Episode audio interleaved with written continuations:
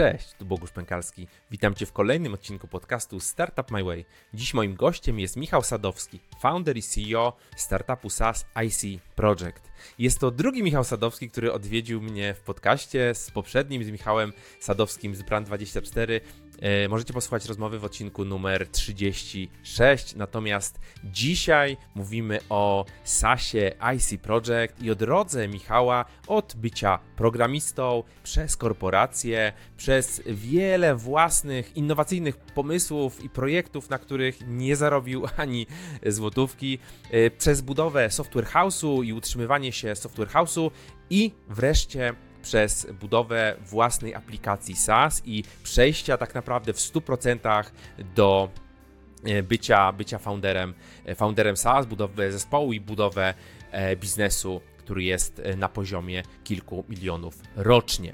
Więc to wszystko w naszej rozmowie. Rozmawiamy bardzo dokładnie o drodze, drodze Michała, o metrykach, o zespole, o podejściach marketingowych, o tym, jakie kolosalne błędy popełnił Michał na swojej drodze i jak ty możesz ich dzisiaj uniknąć. Jest to długa rozmowa, ale gwarantuję wam, że naprawdę jest w niej bardzo, bardzo dużo szczegółów i wartościowych informacji. Więc już za chwilę przechodzimy do rozmowy. Natomiast jeżeli masz ochotę dostawać ode mnie jednego krótkiego maila raz w tygodniu, w każdy czwartek, gdzie wrzucę trzy ciekawe rzeczy ze świata startupów, ze świata aplikacji SaaS, ze świata bycia przedsiębiorcą, solo przedsiębiorcą i tego przejścia od osoby etatowej do bycia twórcą aplikacji SaaS, startupów, to zapraszam Cię. Link pod, pod wideo lub na startupmyway.com e, w zakładce mailing. Zapraszam do mojego czwartkowego mailingu, natomiast ruszamy już teraz z rozmową z Michałem Sadowskim. Cześć Michał! Witam w Startup My Way. Co u Ciebie? Dzień dobry. No witam Cię Bogusz. Tak, tu nie wiem czy zapowiedziałeś Michał Sadowski, czy będzie, czy nie. I teraz pewnie sporo ludzi wyłącza nagrywanie, bo to nie ten Michał Sadowski, ale postaram się, żeby było dobrze. U mnie w porządku, okej. Okay. Michał, to powiedz, powiedz na start w trzech słowach, czy może, może w pięciu słowach albo w pięciu zdaniach, kim jesteś i, i czym się zajmujesz? E, więc tak, od razu mówię, żeby przełamać lody, jestem Michałem Sadowskim, tym drugim Michałem Sadowskim. E, mam albo kontekst... tym pierwszym. Zależy jak liczyć. Zależy jak liczyć. Tak, Pozdrawiamy tak, drugiego. Pozdrawiam Michała. drugiego. Cześć Michał. Jestem przedsiębiorcą od e, prawie 16 lat. Wtedy sobie założyłem pierwszą jednoosobową działalność gospodarczą. Później przez e, kilka lat pracowałem na etacie, co mi się tam średnio podobało. I 12 lat temu założyłem spółkę, pierwszą spółkę, której to efektem jest IC Project i nasza rozmowa teraz tutaj. No i przez ten cały czas w zasadzie kręciłem się wokół aplikacji internetowych i ogólnie wokół internetu. Czyli w skrócie jesteś teraz founderem i CEO IC Project, tak? Dokładnie tak. Jestem founderem CEO IC Project. Od kilku lat rozwijamy wyłącznie IC Project. Wcześniej byliśmy software house'em przez kilka, kilka lat, natomiast teraz skupiamy się wyłącznie na jednym naszym produkcie. Tak, to na pewno jeszcze głębiej, głębiej w ten temat wejdziemy, e, w całą tą historię. A powiedz mi, jak wyglądały Twoje wczesne lata? Czy zawsze miałeś jakąś taką żyłkę do, do biznesu i myślałeś o tym, że zostaniesz przedsiębiorcą, czy founderem, czy, czy to jakoś wyszło spontanicznie w trakcie? Wiesz to, jak byłem zaraz takim człowiekiem po studiach, to tak sobie wyobrażałem, że siądę sobie gdzieś w jakimś korpo, będzie fajna, ciepła posadka, będą mi mówić, co mam robić i będzie fajnie. I faktycznie zaczepiłem się w korpo, bo w Komarchu, ponieważ studiowałem na AGH w Krakowie, a profesor Filipiak jako wykładowca AGH ściągał tych y, zdolniejszych do siebie do Komarchu i tam też mnie ściągnął. Pracowałem tam prawie rok ale powiem Ci szczerze, jakoś to korpo mi wyszło bokiem, bo mm, ja jestem osobą kreatywną, lubiącą wyzwania, lubiącą e, zmieniać coś ciągle wokół siebie, poprawiać, ulepszać. No w korpo niestety tego nie masz. Wiesz, jak jest w korpo, siadasz. A byłeś mówią... programistą, tak? Byłeś tak. na informatyce, tak? Potem tak, jako tak, tak, tak. programista. Skończyłem informatykę, elektronikę, byłem programistą, e, pisałem wiele lat jako, jako programista. Później miałem taki krótki e, etap w swoim życiu, że byłem na etacie.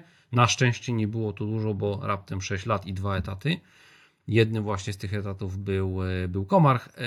No ale tam już czułem się, że jednak to nie jest to, bo moje wszelkie pomysły zostały czy tam e, to, co przynosiłem do, do firmy, mm, wszystko wchodziło do szuflady, bo to nie ja byłem osobą decyzyjną, nie było właściwie z kim pogadać i, i tak na dobrą sprawę stwierdziłem, że, że to chyba nie jest dla mnie.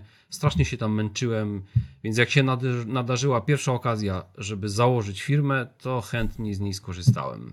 Czyli jednak coś takiego w tobie było, tak? Że zawsze chciałeś yy, jednak mieć ten wpływ, tak? Tutaj widzę taki driver, że nie, robiłem coś, było spoko, ale, ale nie miałem wpływu na to, co, co buduję. Moje decyzje nie były respektowane. E, czyli, czyli gdzieś tam ta, ta, ta żyłka, żyłka była. A powiedz mi, a jak to było w ogóle jeszcze e, przed studiami? Kiedy się zainteresowałeś komputerami, programowaniem? To było od jakichś młodych lat, czy, czy po prostu szukałeś czegoś, nie wiem, o, pójdź na informatykę?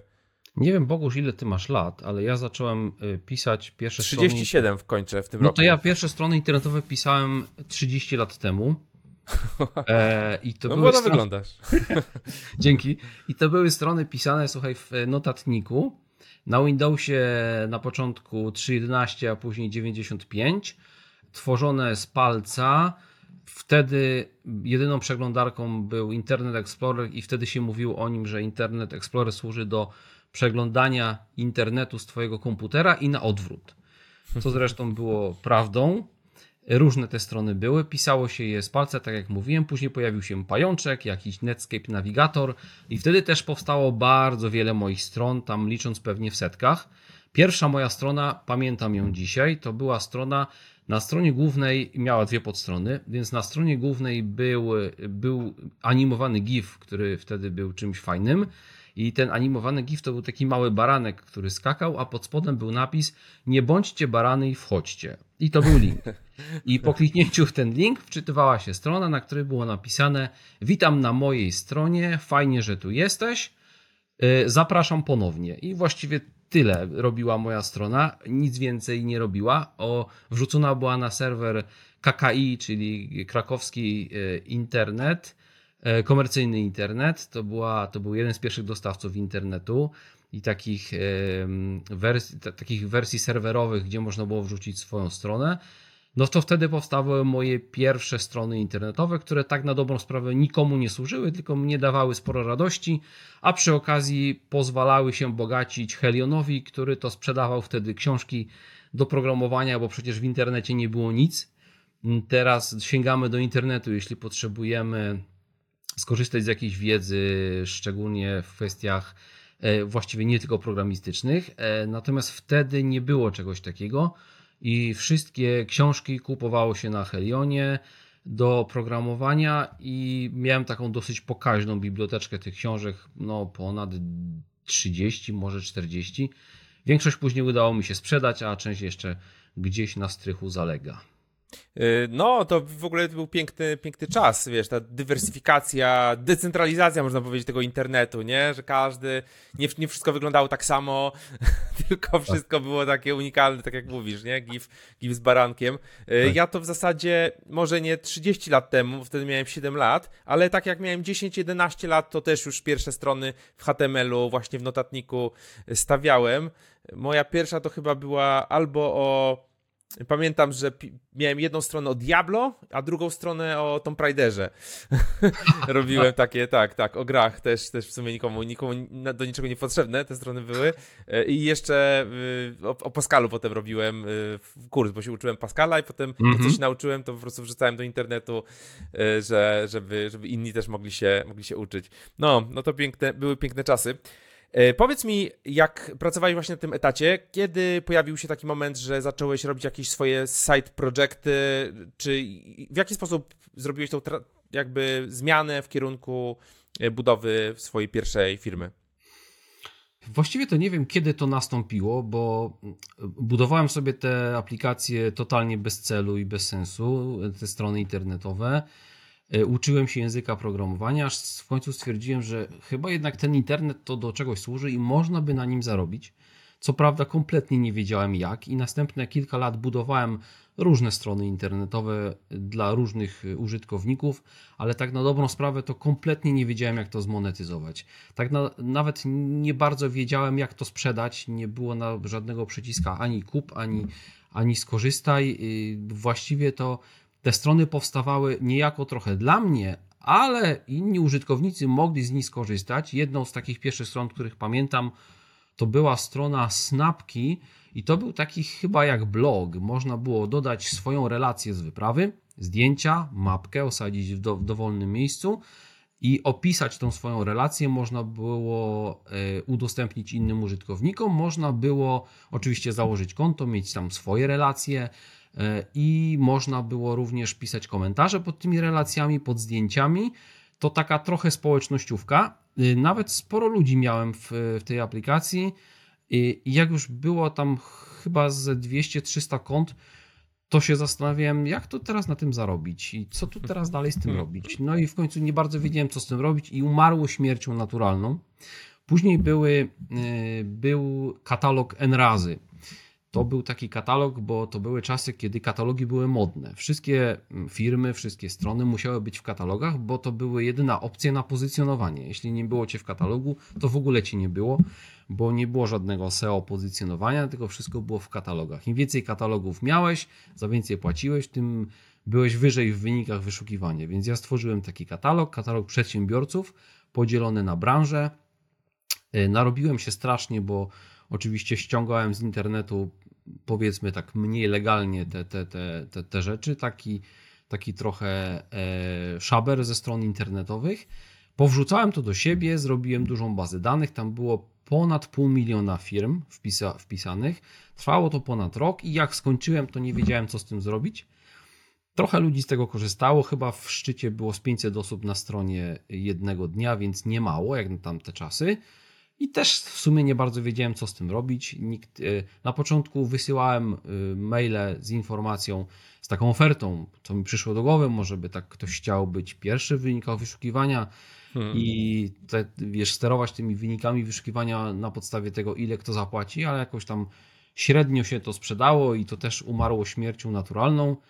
Później wpadłem na pomysł takiej stronki kasuj.pl, już chyba tej domeny nie ma, ewentualnie ktoś ją kupił. To była strona, na której można było wpisać wiadomość i tą wiadomość można było wysłać na jeden lub więcej adresów mailowych i odbiorca dostawał w mailu linka, po czym klikał w link i otwierała się strona z tą wiadomością i można ją było przeczytać tylko raz i ona się później usuwała na trwale z bazy. To było takie wow, coś może Czyli jakiś... Snapchata zrobiłeś jednym słowem. O, właśnie, dokładnie. Taki wczesny Snapchat sprzed 20 lat. E, też oczywiście nie miałem pomysłu na monetyzowanie tego, jak to sprzedawać. Na początku to się w ogóle cieszyłem, że wchodzą ludzie na stronę i używają. E, I, i, i to właściwie tyle. Później zrobiłem sobie chyba pierwszy e, commerce, czyli stronę wieloletnie.pl, która do dziś istnieje. Ona tam sprzedaje kwiaty i to jest taki typowy commerce napisany przeze mnie totalnie od zera. E, no i było później dużo, dużo różnych takich stron, o których nie pamiętam w sumie tam z kilkadziesiąt. I tak na dobrą sprawę wciąż nie wiedziałem, jak na tym zarabiać, aż do momentu, kiedy stwierdziłem, że chyba jednak nie będę zarabiał na sprzedaży stron internetowych, tylko zwrócę jednak do tego pisania tych stron internetowych, bo za to jeszcze ktoś płaci. I po prostu jakby ze swoich projektów przyszedłeś w model taki usługowy, software house'owy, tak? Tak jest. W 2007 roku założyłem jednoosobową działalność i zacząłem pisać strony na zlecenie. Wtedy też podjąłem współpracę z jedną amerykańską firmą, ponieważ byłem na etacie równolegle, żeby móc pracować, dorabiać sobie na, na etacie, bo wtedy byłem na etacie nauczycielskim a płacili tam chyba... To jeszcze, czekaj, czekaj, to jeszcze, to jeszcze przejdźmy do tego. W jaki Dobra. sposób z programisty z Komarchu stałeś się nauczycielem? Nauczycielem informatyki? Czy... Tak, nauczycielem informatyki i przy okazji nauczycielem elektroniki. Wiesz co, to były ciężkie czasy, bo to był 2008 e, rok bodajże, rok kryzysu. Było hmm. bardzo duże bezrobocie i Komarch, e, który wysłał mnie do stolicy na, na delegację roczną, stwierdził, że będzie się pozbywał pracowników, tych, którzy pracują najkrócej, są najmniejsi stażem, więc ja niestety wyleciałem. Później zacząłem szukać pracy, gdzie się tylko dało, i jakoś tak przypadkowo zahaczyłem się w szkole. No i na 5 lat tam w tej szkole na chwilę zostałem. Ale powiem ci tak szczerze, codziennie idąc tam do tej szkoły, wchodząc po schodach sobie myślałem, co ja tutaj robię. No i przyszedł taki, no właśnie, ale cały czas chciałem zostać przy tym internecie i, przy tym, co lubię. I dlatego też podjąłem współpracę z amerykańską firmą i dla nich robiłem strony internetowe wieczorami. Normalnie szedłem na etat, później wracałem do domu, zjadłem, siadałem e, do do, siadałem na kanapie i, i totalnie sobie zniszczyłem tym kręgosłup, bo przez 5 lat pracując tu i tu stwierdziłem, że przecież no po co mi jest wygodny fotel i biurko, jak mogę siedzieć na kanapie przy ławie i to będzie ok. Hmm. I to jest efekt tego, że mieliśmy się spotkać tydzień temu, ale niestety nie spotkaliśmy się, ponieważ dopadło mnie to, co mnie dopada regularnie co jakiś czas. No niestety niemoc wstania z łóżka. To jest pokłosie tego, co się wydarzyło y, kilkanaście lat do tyłu. No i tak, i pracując na tym etacie, o którym pytałeś, y, w pewnym momencie, gdzieś w czerwcu, 12 y, lat do tyłu, może 13, zadzwonił do mnie kolega, który również się trochę internetem interesował. Mówi: Słuchaj, jest możliwość pracy na zlecenie dla firmy Colporter. Stwierdziłem, że czemu nie? Od razu podjąłem decyzję, rezygnuję ze szkoły, przeprowadzam się do większego miasta, jakim są Kielce i zaczynał, zacząłem pracę również jako e, zleceniobiorca, czyli na B2B dla Colportera i to trwało myślę, że ze dwa, może trzy lata. Tam też kilka ciekawych projektów napisaliśmy, ale to było kolejne korpo, które trochę te pomysły nasze wrzucało do szuflady, bo mieli swoje priorytety, tam mieli swój system pracy, i nikt tak na dobrą sprawę, jak wiesz, jak zatrudnione jest kilkaset ludzi, to tam nie patrzy, czy, czy ktoś jest wydajny, czy nie jest wydajny, byleby końcem roku się budżet spinał. No tak. Okej, okay, czyli mamy kolejny etap twojej, twojej podróży. E, I w którym momencie, a budowa, budowałeś jeszcze po tym okresie jakiś startup, SaaS, e, czy, czy tego typu projekt, czy już tutaj się pojawił temat właśnie zarządzania projektami i IC Project? Mm, nie, wiesz co, tutaj się pojawił temat rozszerzenia działalności jako software house, ponieważ mhm. ja tych zleceń dostawałem sporo. Stwierdziłem, że na jednoosobowej działalności to już ciężko uciągnąć tą firmę. Założyłem spółkę ZOS właśnie z tym moim kolegą. Zatrudniliśmy programistów mhm. i również na zlecenia Colportera oraz innych firm zbieraliśmy zlecenia, oni kodowali i ten nasz software house trwał przez kilka lat, aż przyszedł taki moment, że zgłosił się do nas jeden z przedsiębiorców, który zajmował się pisaniem wniosków unijnych. Wtedy to były działania 8.1, e, 8.2 innowacyjna gospodarka. Mhm. E, I te działania 8.2, 8.1 przysporzyły nam sporo klientów, ponieważ klienci e, na wnioski unijne musieli je realizować, bo to głównie były projekty informatyczne i poprosił nas o pomoc, czy byśmy nie pomogli właśnie w pisaniu tych programów. No i tak to się zaczęło. Zaczęliśmy bardzo dużo kodować.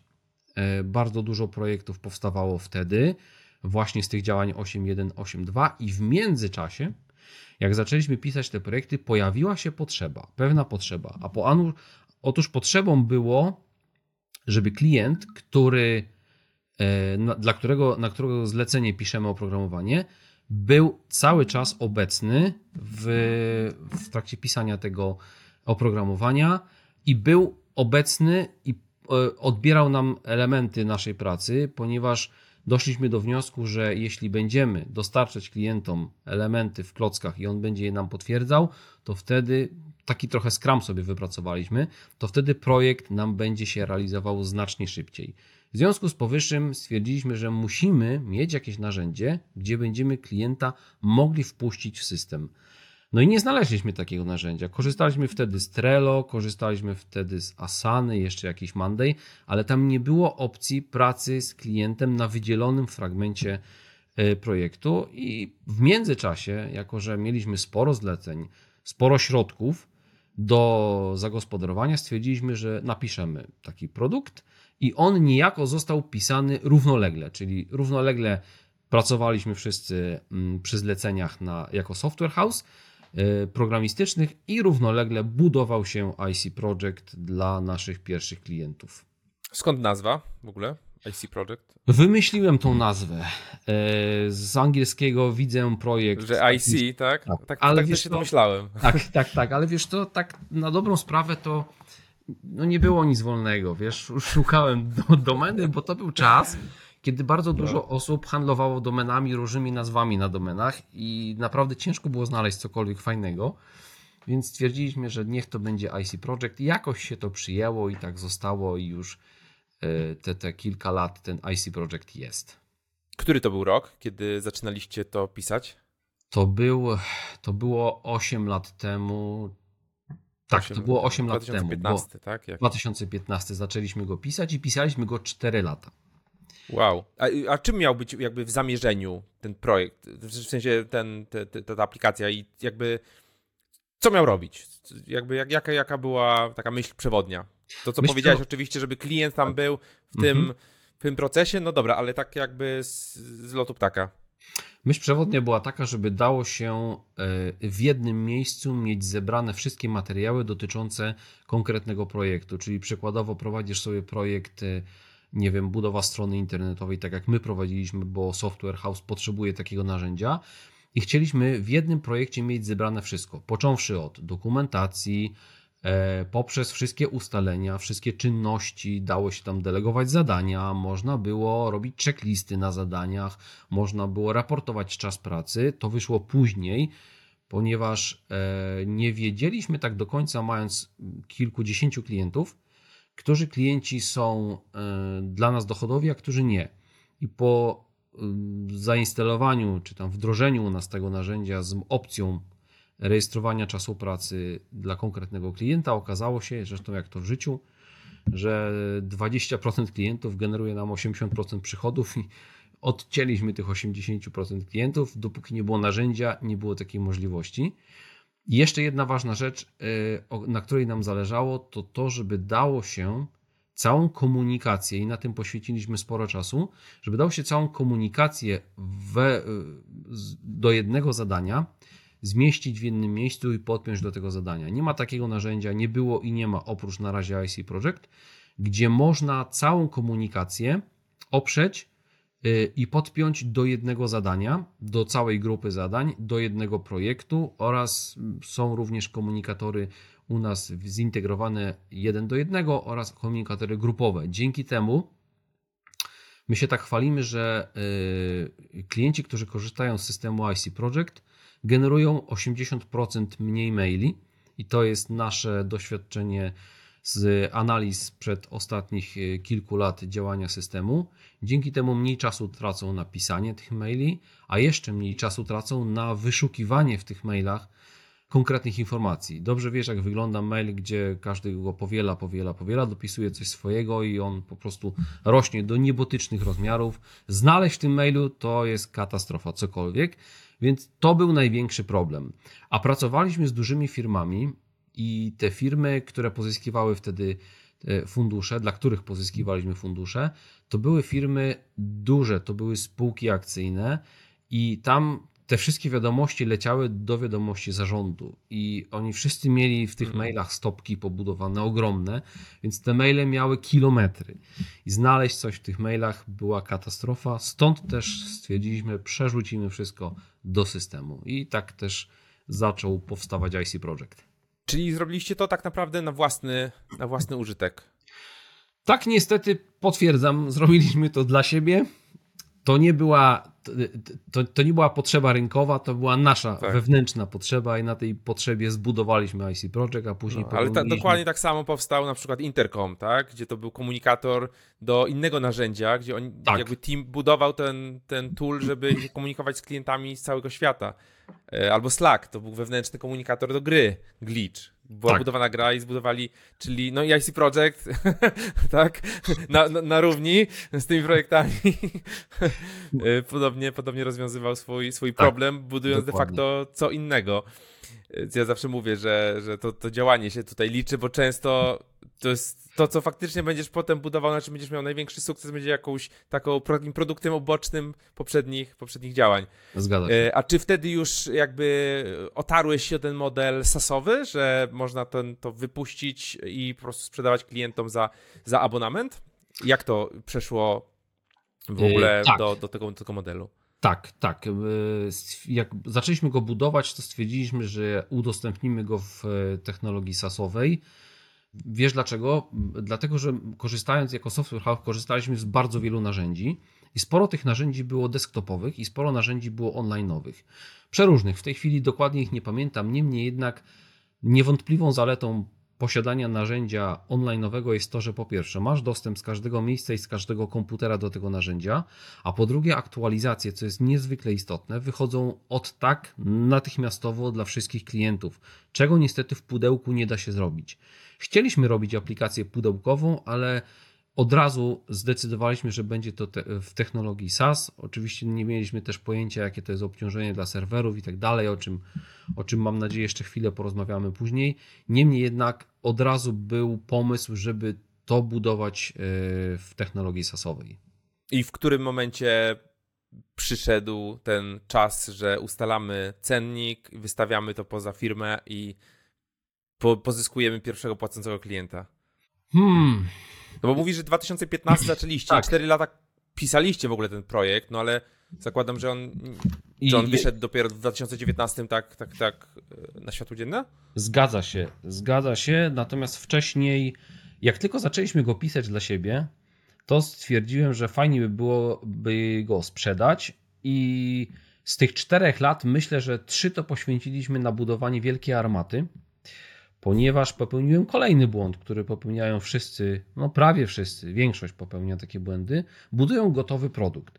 I jeśli chciałbyś mi zadać e, pytanie, mm, kiedy powstała pierwsza wersja systemu, to ci odpowiem. Nigdy nie powstała pierwsza wersja systemu. Nasz produkt od razu dostał ostatnią wersję systemu, więc yy, budowaliśmy przez kolejne 3 lata, jak już stwierdziliśmy, że chyba fajnie by było opublikować ten produkt, nie tylko dla siebie, udostępnić go innym, bo jest fajny, bo będzie fajny.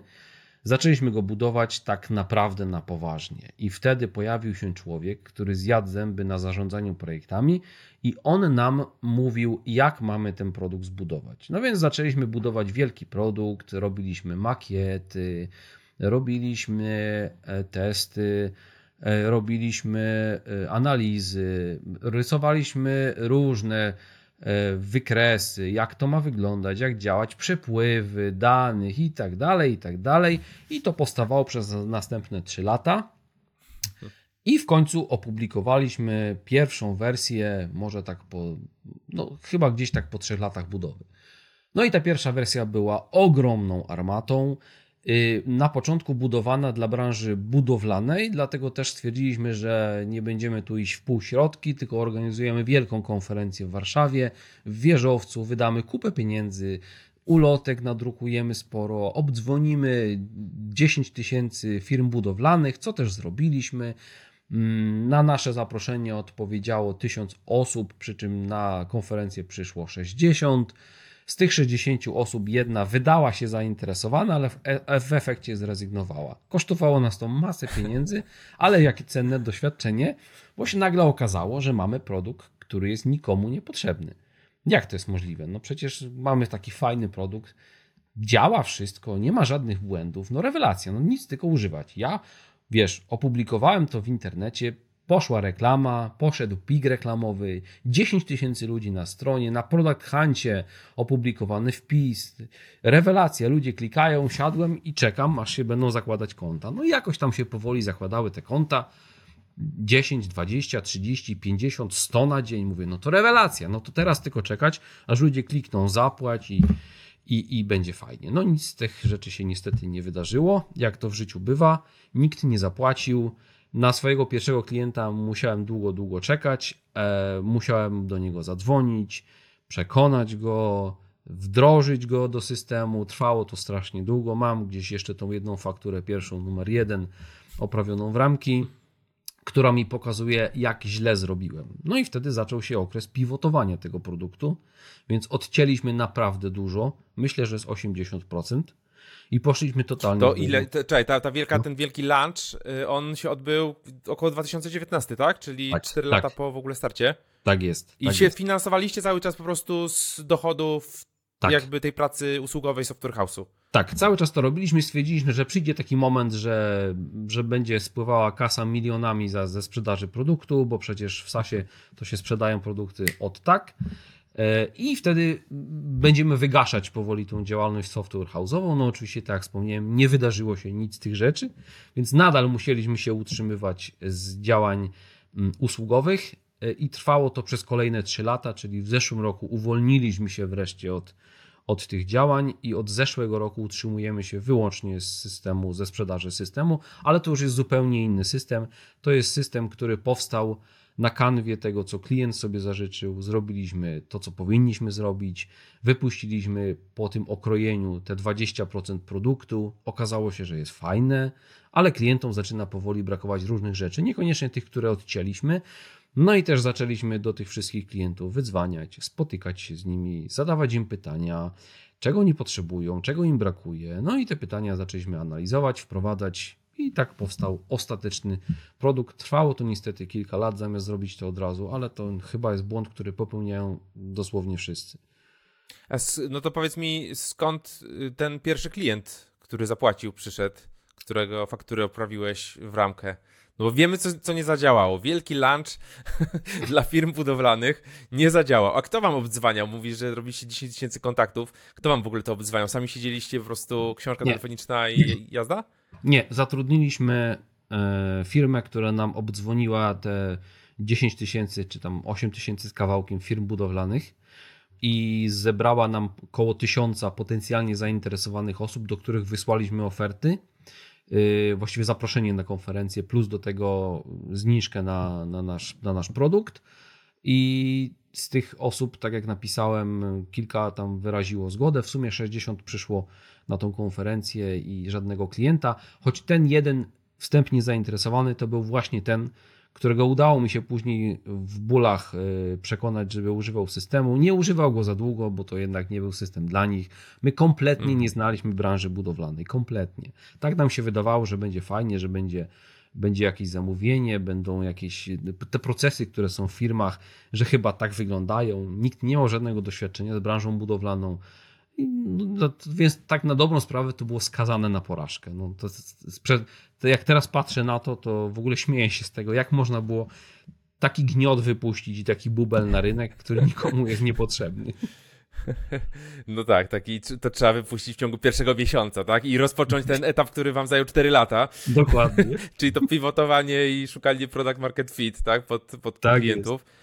E, a powiedz, jak, jak to w ogóle dzisiaj wygląda? Tak, przenieśmy się do, do, do, do dnia dzisiejszego. Ile i jak, jak te przychody u Was wyglądają, MRR-y, ARR-y, ile tych klientów jest mniej więcej? Dzisiaj wygląda to całkiem nieźle, e, choć chcę, chcę tę sytuację poprawić, o czym za chwilę. E, jesteśmy w dobrym miejscu. W międzyczasie wydarzyła nam się sytuacja 2020 pandemiczna, która pokazała, że firmy potrzebują narzędzi do pracy zdalnej, a nasze narzędzie takie było. E, wygrywamy polskim wsparciem i tym, że klienci mogą faktycznie do nas zadzwonić i ktoś im udzieli rzetelnej odpowiedzi. I ten 2020 pozwolił nam trochę się rozwinąć. Poza tym świadomość zarządzania projektami w polskim biznesie rośnie. W tej chwili zdecydowanie rośnie Kilka lat do tyłu pamiętam, e, jak robiłem sobie taki research na temat występowania słów kluczowych i zadawania frazy e, w internetach są takie narzędzia. To Project Management System w, Stanach Zjednoczonych miał chyba z 700 tysięcy wyników i, i, i zapytań, natomiast system do zarządzania projektami w Polsce miał chyba z 17, no to tam do 20, więc e, nie było potrzeby znaczy potrzeba była, tylko że nikt nie rozumiał, że ona faktycznie jest istotna, żeby zarządzać projektami. No wszyscy zarządzają, powiem Ci jak to wygląda. Nawet do dziś czasami trafiamy do takich spółek dużych, skostniałych firm, które mówią, no ale jak? No my mamy na Excelach, mamy to na kartkach i właściwie wszystko działa, no to po co to to zmieniać? Ale na szczęście ta świadomość, szczególnie po tym 2020 roku, zdecydowanie rośnie. Aktualnie mamy około 400 klientów płacących, to daje nam e, MRR na poziomie około 150 tysięcy. 16 e, osób pracuje na pokładzie. Jesteśmy na etapie pozyskiwania kolejnych dwóch handlowców, ponieważ zainteresowanie jest tak duże, że osoby, które mamy u siebie, nie nadążają z obsługą klienta, stąd potrzeba dwóch kolejnych osób. Okej, okay, e, a zaczynaliście w jakim teamie? Ile, ile was tam było? Bo ty jesteś, masz po prostu wspólnika, tak, nadal tego, który, z którym zakładałaś Software House po prostu. Jesteście Wiesz co, zaczynaliśmy, trudno powiedzieć, bo ten Software House się rozrastał, trochę się zmniejszał, były czasy, że było 20 parę osób na pokładzie, były czasy, że miałem trzech programistów, różnie to było. Sam IC Project zaczęliśmy budować w, w 5-6 osób i wtedy stwierdziłem, że no, potrzebuję tylko programistów, no bo oni mi napiszą program i ja go później, przecież on jest w SASie, no więc publikuję go, mówię, hej, ludzie, tu jest program w SASie dostępny, kupujcie, płaćcie. No niestety tak to nie działa. No, później się zorientowałem, że chwila, chwila, ale potrzebuję reklamy. No nie, przecież sobie wyklikam. Jakiż trudny jest ten Facebook do wyklikania. No to wchodzę, grupa docelowa, określ, określ budżety, słowo kluczowe, poszło. No to i budżet, wiesz, zjadany, a tu kurczę, nie ma nic, nie? Się nagle okazało, że jednak trzeba robić jakąś analizę tego, gdzie my to wysyłamy, jaka jest konwersja, więc fajnie by było mieć kogoś, kto ma pojęcie, jak to robić w internecie. To samo z AdWordsami, to samo z contentem, na który bardzo dużo stawiamy. E, to samo ze sprzedażą. Wydawało mi się, że to się będzie samo sprzedawać. No nic bardziej mylnego. Mimo, że produkt jest teoretycznie dostępny i praktycznie w SASie, to dam, sam dobrze wiesz, jak z narzędziami w SASie jest. Klikasz i masz tam raptem kilkanaście sekund do paru minut, żebyś zdecydował, dobra, chcę to narzędzie, albo kurna, tak. kompletnie nie wiem o co chodzi. Ja w to nie wchodzę, bo, bo nie czaję, tak? I, i, i ten, y, ten, ten nasz ten nasz zasób y, osobowy rósł w miarę jak pojawiała się potrzeba, a niestety taka potrzeba jest. Samo się nie sprzeda, samo się nie zareklamuje, samo się nie napisze. A powiedz y, trochę, jak to od strony technologicznej wyglądało, bo zakładam, że ty już nie programujesz, odkąd jakby prowadzisz biznes, już teraz nie, tak. nie działasz aktywnie jako programista, nie? Tak, nie y, działam, Jak to wygląda? No, no nie działam, nie działam jako programista, nie mam na to niestety czasu. E, pewnie ty też już nie programujesz, no chyba, że sobie jeszcze coś tam dziergasz. No niestety nawet na to nie mam czasu. Przyszedłem w tą rolę manager slash CEO. Ewentualnie tak, twarz tutaj w podcaście. Dokładnie. No więc ja mam podobnie, już nie koduję, e, już się tym nie zajmuję.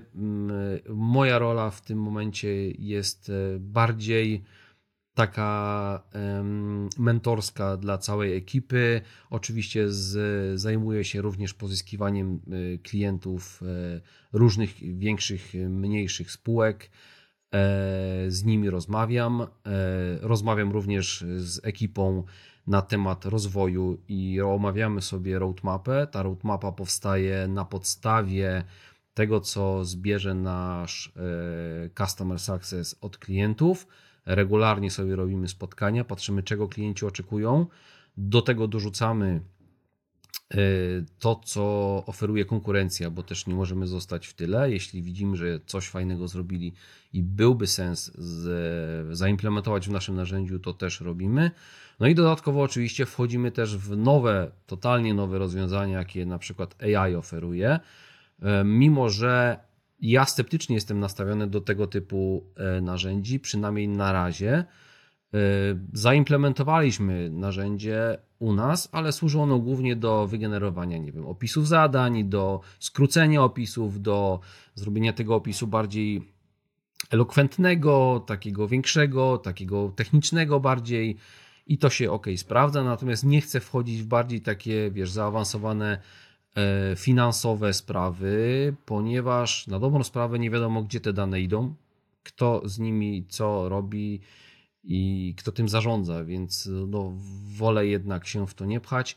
Nie, ale tak jak mówię, no, cały czas analizujemy rynek, to co się zmienia, a zmienia się bardzo dużo, więc ten, e, ten rozwój cały czas mamy i nad tym rozwojem wspólnie w całej ekipie pracujemy. E, no właśnie, ale jeszcze od tej strony technologicznej, powiedz mi, jak, jak to się zmieniało? W jakich to jest technologiach, jeżeli Jesteś na czasie. nie, nie, nie. Bo czasami nie, faktycznie można się zgubić e, w tym, w tym wiesz, wchodzą, te nowe frameworki. Ja też tak. większy czas spędziłem jako programista, teraz już czasami nie nadążam tam za, za chłopakami, co tam wrzucają na Slacka naszego, co tam, co tam robią e, od strony technologicznej. E, powiedz mi, jak, jak, jak to wygląda, jeżeli chodzi o, o technologię i czy to się też zmieniało podczas tej drogi? Projektu? Tak, zmieniało się, aczkolwiek niedużo się zmieniło. Zmieniło się ponieważ my mieliśmy, zaczynaliśmy pracę jako software house i mieliśmy programistów, e, którzy programowali głównie w PHP, więc ten produkt powstał na bazie PHP.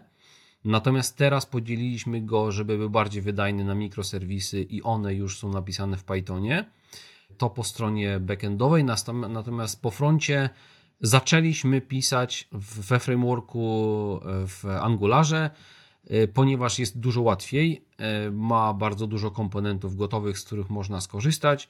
Niemniej jednak jest troszeczkę przeładowany i mało wydajny, dlatego też w zeszłym roku podjęliśmy decyzję na początku zeszłego roku, że przepiszemy go w ogóle na Reacta całego, więc w tej chwili jest przepisany totalnie w 100% na Reacta, co dało nam duży wzrost e, wydajności systemu. No tak, i chyba też jest łatwiej o ludzi, nie? Bo teraz reaktowców jest naprawdę dużo. Mało kto w sumie w Angularze jeszcze chce E, chce, chce się brudzić swoje ręce. Pozdrawiamy oczywiście zwolenników e, Angulara. Natomiast nawet widziałem na mojej grupie e, tam twórcy aplikacji SaaS, tam takie dyskusje są czasami techniczne, nawet czasami angularowcy odradzają, że jeżeli nowy system, który ma być lekki, no to może się nie pchać w tą, w tą technologię. Czyli było tutaj trochę, tak, trochę było, zmian, było, tak? Było, było trochę zmian, a nawiązując do, do, do tych angularowców, to powiem Ci, że z racji takiej, że coraz więcej ludzi programuje, w, e, pisze, czy tam pisze w Reakcie, to ten Angular e, jest mocno poszukiwani są specjaliści do Angulara, ponieważ no, sporo stron jeszcze na Angularze no stoi, no tak. więc trzeba z tak. nimi coś jeszcze zrobić, więc tu, tu, e, uśmiech do tych, którzy jeszcze w Angularze piszą, że jeszcze mają czas na to, żeby się przebranżowić, choć różnie może być, może ten Angular wróci do łask. Może tak. Y, okej, okay, to powiedz mi jeszcze w ten moment, kiedy zaczęliście, zorientowaliście się, że ci klienci nie przychodzą, nikt nie kupuje, tutaj wielkie premiery. Y, co zaczęliście robić, co zacząłeś robić inaczej, tak? Wtedy w momencie tego takiego przysłowiowego y, pivota. Jak podszedłeś jakby w tej kolejnej iteracji do pozyskiwania klientów, przez co to się zaczęło udawać, tak? W pewnym mhm. momencie. E, no więc tak, na początku siedziałem tak jak teraz siedzę i czekałem, odświeżałem stronę, że się za, nowy klient zapisze i nic się nie działo i w końcu, tak jak wspomniałem, stwierdziłem, że chyba jednak nie tędy droga i trzeba by opracować jakąś ścieżkę pozyskania klienta. Ja kompletnie nie wiedziałem, na początku nie miałem pojęcia, co to jest prospecting, co to jest y, discovery call, co to jest buyer persona, kompletnie tego nie wiedziałem. Nie wiedziałem, że to w ogóle jest potrzebne ale skorzystaliśmy z usług e, to już później. E, Szymona Negacza i Sellwise, oni weszli do nas i pokazali nam, dosłownie nam pokazali, w którym miejscu jesteśmy. E, co nas też ucieszyło, ponieważ, okaz, ponieważ wiesz, to dało nam to pewien taką, pewną taką pewność, masło maślane, dało nam to taką świadomość, że być może nasze wyniki są takie, a nie inne, ponieważ właśnie to źle robimy.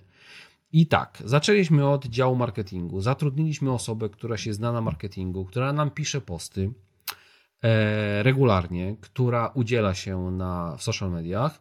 E, zaczęliśmy duży nacisk kłaść na content. Bez tego ani rusz, ponieważ bardzo dużo ruchu organicznego pochodzi właśnie z tego kontentu. Piszemy bardzo dużo na bloga, w tej chwili w dwóch wersjach językowych, polski i angielski, ale również robimy tłumaczenia na język niemiecki, bo system mamy w czterech językach, oprócz polskiego, niemiecki, angielski i włoski.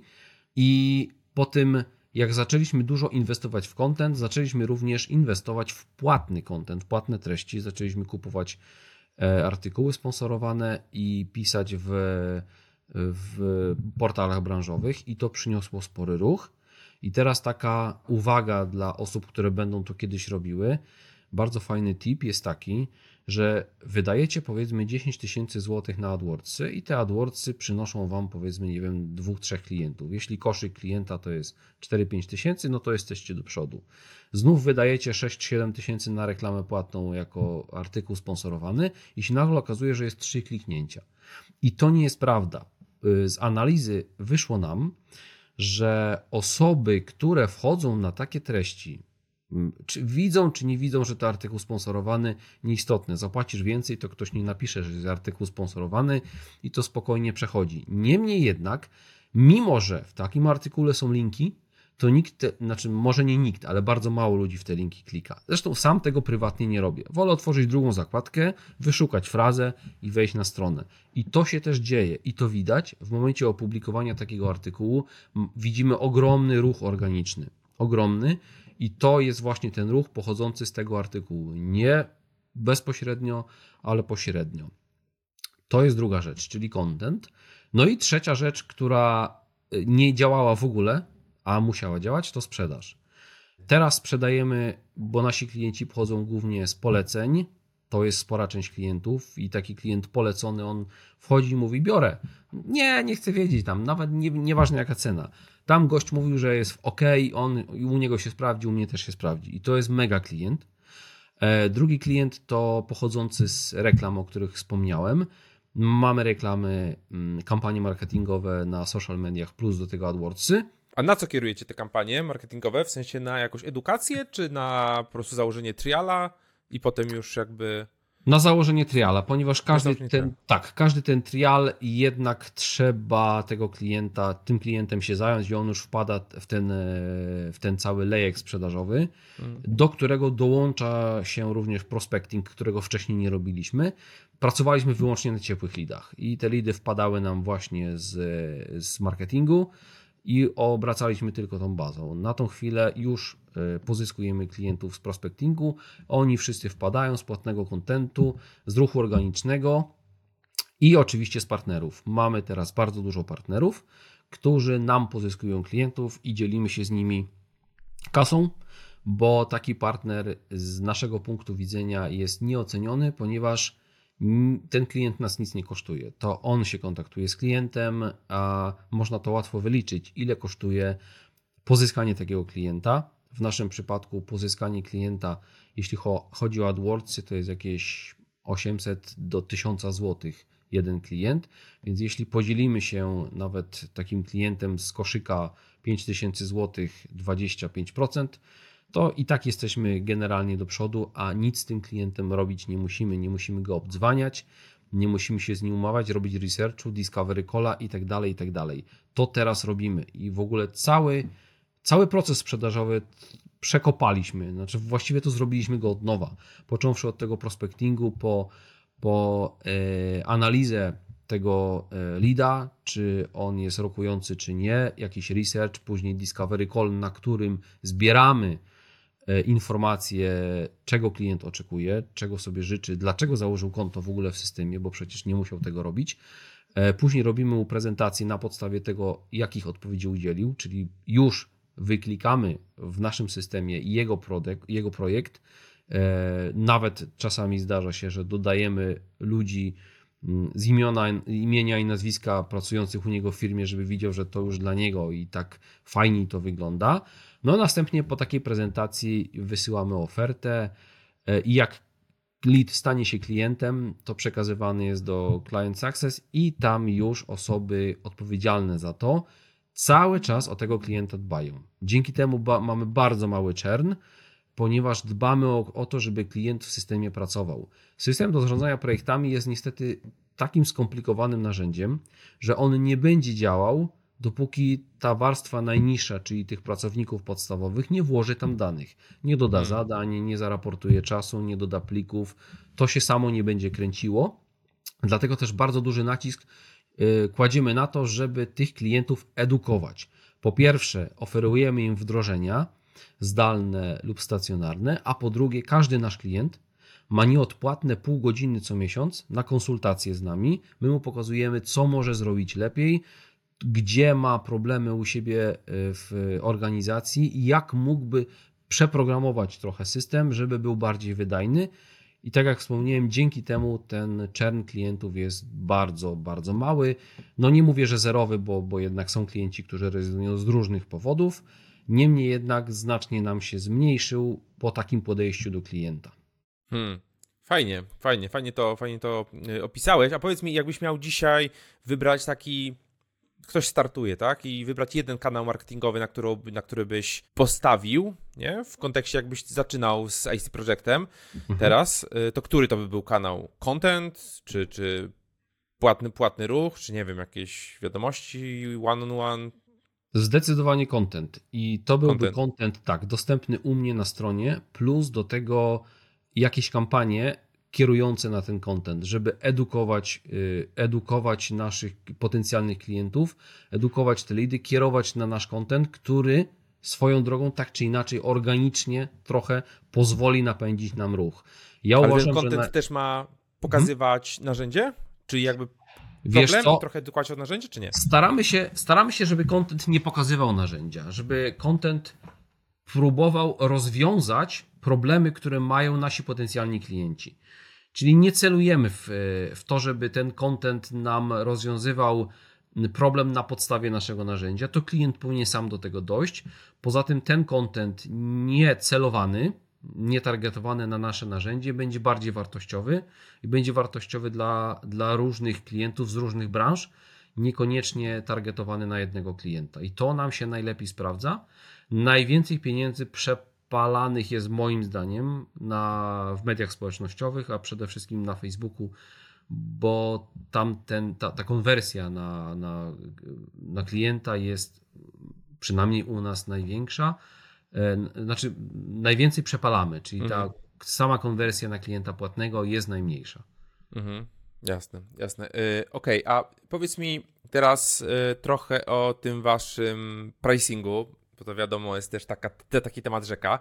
Widziałem, że macie, te, macie cały czas plan darmowy, tak? Czy nie macie tak, yy, wydawałoby się, że w tego typu produkcie yy, takim standardem jest raczej trial, tam 14 dni powiedzmy i tyle i nie ma opcji darmowej. Yy, skąd decyzja o tym, żeby był plan, plan free i jak wam to się sprawdza i czy testowaliście też opcję taką paid trial, czy free trial? Nie testowaliśmy opcji, znaczy cały czas mamy free triale, natomiast mamy faktycznie plan darmowy. Z cennikiem to w ogóle jest ciekawa sprawa, ponieważ ten cennik powstał tak właściwie z niczego. Siedliśmy, stwierdziliśmy, dobra, to tu będzie 49, tu będzie 79, a tu będzie 119. A daj 129, dobra, to niech będzie 129. I tak powstał nasz cennik. Natomiast ma podstawowe, podstawową wadę. To jest cennik ilościowy, nie jakościowy. I my w tej chwili go przepisujemy, bo jak pewnie patrzysz na nasz cennik, czy tam patrzyłeś na cennik, to dawno nie widziałeś takiego cennika. I ja się z Tobą zgodzę. To nie jest mhm. cennik, który pozwala sprzedawać, a już na pewno nie pozwala robić upsellingu do klientów, no bo czymże tego klienta zachęcisz, skoro masz trzy abonamenty i w każdym masz dokładnie to samo, a różnią się tylko ilością klientów. No to drogi kliencie, zatrudnij sobie pięć dodatkowych osób, to ci się skończy ten abonament i skoczysz w wyższy plan i będzie ekstra. Więc przepisujemy ten nasz cennik. A dlaczego mamy e, wersję trialową? Wiesz co, właściwie to tylko z reklamy, bo ta wersja trialowa nic nas nie kosztuje. Czasami się zdarzy, choć bardzo rzadko. I ja uważam, Czyli ta wersja że... free. free. Tak, taka wersja. trialowa tak, to taka, która tak, się kończy. Wersja free jest tylko po to, żebyśmy mogli pochwalić się, że IC Project jest za darmo na zawsze. I tylko do tego to służy, bo sama konwersja, mm, jakby ktoś rozważał, czy uruchomić taką, taką wersję free, to się kompletnie nie opłaca. Raz, że klienci pytają, czasami zapytają na czacie, czasami zapytają na mailu, no trzeba każdemu klientowi odpowiedzieć. Ten klient nie konwertuje prawie wcale, bo nie ma tak, że firma ma dwie osoby, bo nasza wersja free jest ograniczona do trzech osób, że powiedzmy ma dwie, trzy osoby w firmie i on za chwilę będzie miał 10. No z reguły to się nie zdarza, albo bardzo rzadko, więc ten klient prawie wcale nie konwertuje. I jeśli mam być cztery, to ja bym w ogóle z takiej wersji free zrezygnował. Natomiast no, nam służyła do tego, żeby można było się pochwalić, że IC Project jest za darmo, choć no, są y, pakiety, które nie są. No, niemniej jednak wersja free jest. Mocno się zastanawiamy nad tym, czy czasem tej wersji free nie odpalić w przyszłości całkiem w ogóle, bo jest nam kompletnie niepotrzebna, a generuje nam tylko zasoby serwerowe. No właśnie, bo tutaj z tą wersją free fajnie to działa w, w, momencie, kiedy masz faktycznie jakieś takie efekty wiralowe, że ktoś na tym planie free coś dodaje w taki sposób, że potencjalnie wszyscy ludzie, którzy jego y, obserwują, tak, to, to widzą też ten twój produkt, nie? Powiedzmy, nie wiem, masz w wersji free formularz, możesz sobie na jakąś stronę swoją załadować, tam jest powered by IC Project, czy powered tak. by Y, twój, twój produkt, tak? Mhm. I wtedy, wtedy to ma, e, ma ręce i nogi. E, okej, okay. E, a ten, ten pricing zmienialiście już kilkukrotnie? Czy, bo widziałem tak na stronie, że tam chyba jakieś kilkaset złotych miesięcznie, nie? Tak, tak jeśli chodzi nie, o. Nie wgłębiałem się, ale to takie ceny konkret już były. Tak, ceny są już konkret. Niemniej jednak, jak porównasz sobie funkcjonalnościami, choć bardzo trudno to zrobić, ponieważ każdy system jest inny, każdy ma inne opcje, inne funkcje i dla zupełnie innych osób jest skierowany, to te ceny są i tak niższe niż ma konkurencja. Niemniej jednak to już dochodzimy do pewnej bariery, którą ciężko przekroczyć. Nie pod kątem takim, wiesz co, licencji per klient, bo jeśli by to policzył, to nie wychodzi drogo. Niemniej jednak nasze pakiety mają strasznie duże ograniczenie, ponieważ dla dużej firmy sprzedajemy pakiet Enterprise, który ma 50 y, użytkowników, no ale jeśli firma ma 40 y, pracowników, no to 10 tych kont przepala. Płaci po prostu za puste konta i tego chcemy uniknąć, dlatego aktualnie jesteśmy w trakcie przerabiania cennika. Mhm. Będzie licencja płatna per użytkownik, ale będzie ograniczona funkcjonalnościami, czyli w najniższym planie nie będzie pewnych opcji, które będą w wyższych planach, tak jak powinno to być w cennikach. No tak, no tak, czyli że tutaj jakiś feature gating, tak, plus y, per seat, tak. Plus jeszcze za zużycie danych, tak, trzecia, tak trzecia oś. No to jest taki, taki optymalny pricing. OK, a powiedz mi, y, czyli macie 16 osób w zespole na ten moment. Jak to się rozkłada, jeżeli chodzi o funkcje? Co ci ludzie robią? Z 16 osób to tak. E, siedmiu programistów, e, przy czym trzech programistów na backend, czyli do obsługi baz danych, API i tak dalej, a czterech programistów po stronie frontowej, jeden do aplikacji mobilnych Mm, w dziale marketingu dwie osoby, które odpowiadają za content, za social media. Dział sprzedaży liczy w tej chwili mm, trzy osoby, dwóch handlowców, którzy zajmują się ciepłymi lidami, jeden, który zajmuje się prospectingiem. E, do tego jest wdrożeniowiec, który, e, który zajmuje się wdrożeniami u klienta systemu, bo to jest dodatkowy nasz e, produkt. Który sprzedajemy do abonamentu. Mm, I jest osoba, która się zajmuje client success, czyli obdzwania klientów, zbiera feedback i robi to cały czas na bieżąco. Jest osoba techniczna, która odbiera techniczne zapytania od klientów poprzez nasz system ticketowy i ona się kontaktuje z project managerem który to zarządza działem IT. No i jest jeszcze Head of Product, y, który się zajmuje ogólnie produktem i z nim głównie rozmawiamy na temat roadmapy i rozwoju produktu. A jaka jest Twoja rola? Jak Twój dzień wygląda jako CEO? Przychodzisz, robisz kawę, Głównie pod, tak nagrasz podcast. Dokładnie. Przychodzę, robię kawę, zastanawiam się, z kim tu dzisiaj pogadać, a może z Boguszem, no to się spotkajmy, super fajnie się gadało i jutro kolejny podcast. No nie, tak na dobrą sprawę nie. E, wiesz co? Ale to też jest content, to też jest content. Nie? To prawda. Kilka tak, tysięcy tak, osób prawda. ten, ten odcinek i pewnie z połowa z nich nie słyszała w ogóle o waszym, waszym produkcie. Nie? Być może, więc od razu korzystając z okazji, na hasło Bogusz możemy dać 20% zniżki, no bo czemu nie, prawda? Petarda, na jak- darmowy plan. Dokładnie. Słuchaj, Jak ktoś dotarł do tego momentu, to ma 20% zniżki na hasło Bogusz. Tak zrobimy. O, pięknie. Natomiast mój dzień wygląda tak, że przychodzę rano y, i wiadomo, piję kawę. Od, y, sprawdzam skrzynkę y, mailową, jest tego bardzo dużo, y, ponieważ prowadzę sporo rozmów z potencjalnymi klientami. To są różne duże spółki y, i tam się z nimi próbuję kontaktować poprzez różne kanały mailowe, y, LinkedInowe i tak dalej. To mi chwilę czasu zabiera. Aktualnie jestem też również mocno zaangażowany w pozyskiwanie inwestora, bo jesteśmy na etapie szukania inwestora. Później spotykam się z działem sprzedaży. Staram się to robić codziennie, ponieważ uważam, że akurat w dziale sprzedaży powinienem wiedzieć, co się dzieje. Wiem, e, jak wyglądają KPI działu sprzedaży, wiem, gdzie, gdzie jest problem, i jeśli występują problemy, staramy się je wspólnie rozwiązać. E, Raz w tygodniu mam spotkanie z Head of Product, rozmawiamy sobie o minionym tygodniu i o kolejnym tygodniu, co będziemy realizować, jak wygląda sprint. Do tego dołącza się Project Manager. O- Ogarniamy sobie tematy stricte rozwojowe, ponieważ w każdym sprincie staramy się wypuszczać pewne funkcjonalności, żebym ja też był świadomy tego, co się pojawia w systemie, bo też to komunikuję moim potencjalnym klientom.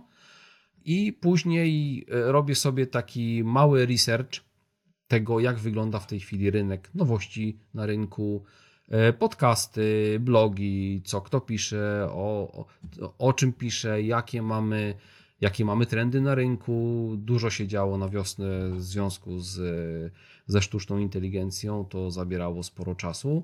No i oczywiście masę pracy bieżącej jest, doskonale sobie zdajesz sprawę takiej, wiesz, papierologii, tak? Tu, Mm. tu biuro księgowe, tu kadrowe, tu, tu jakieś faktury, tu jakieś tam rzeczy niezałatwione z poprzedniego dnia i tak generalnie upływa cały dzień, choć staram się, żeby ten dzień był bardziej produktywny niż taki, e, niż taki wiesz, bieżący, czyli taka bieżąca praca. Bardziej staram się w, w każdym dniu wygospodarować przynajmniej z godziny, jak nie półtorej godziny czasu na to, żeby chwilę pomyśleć o tym, co dalej.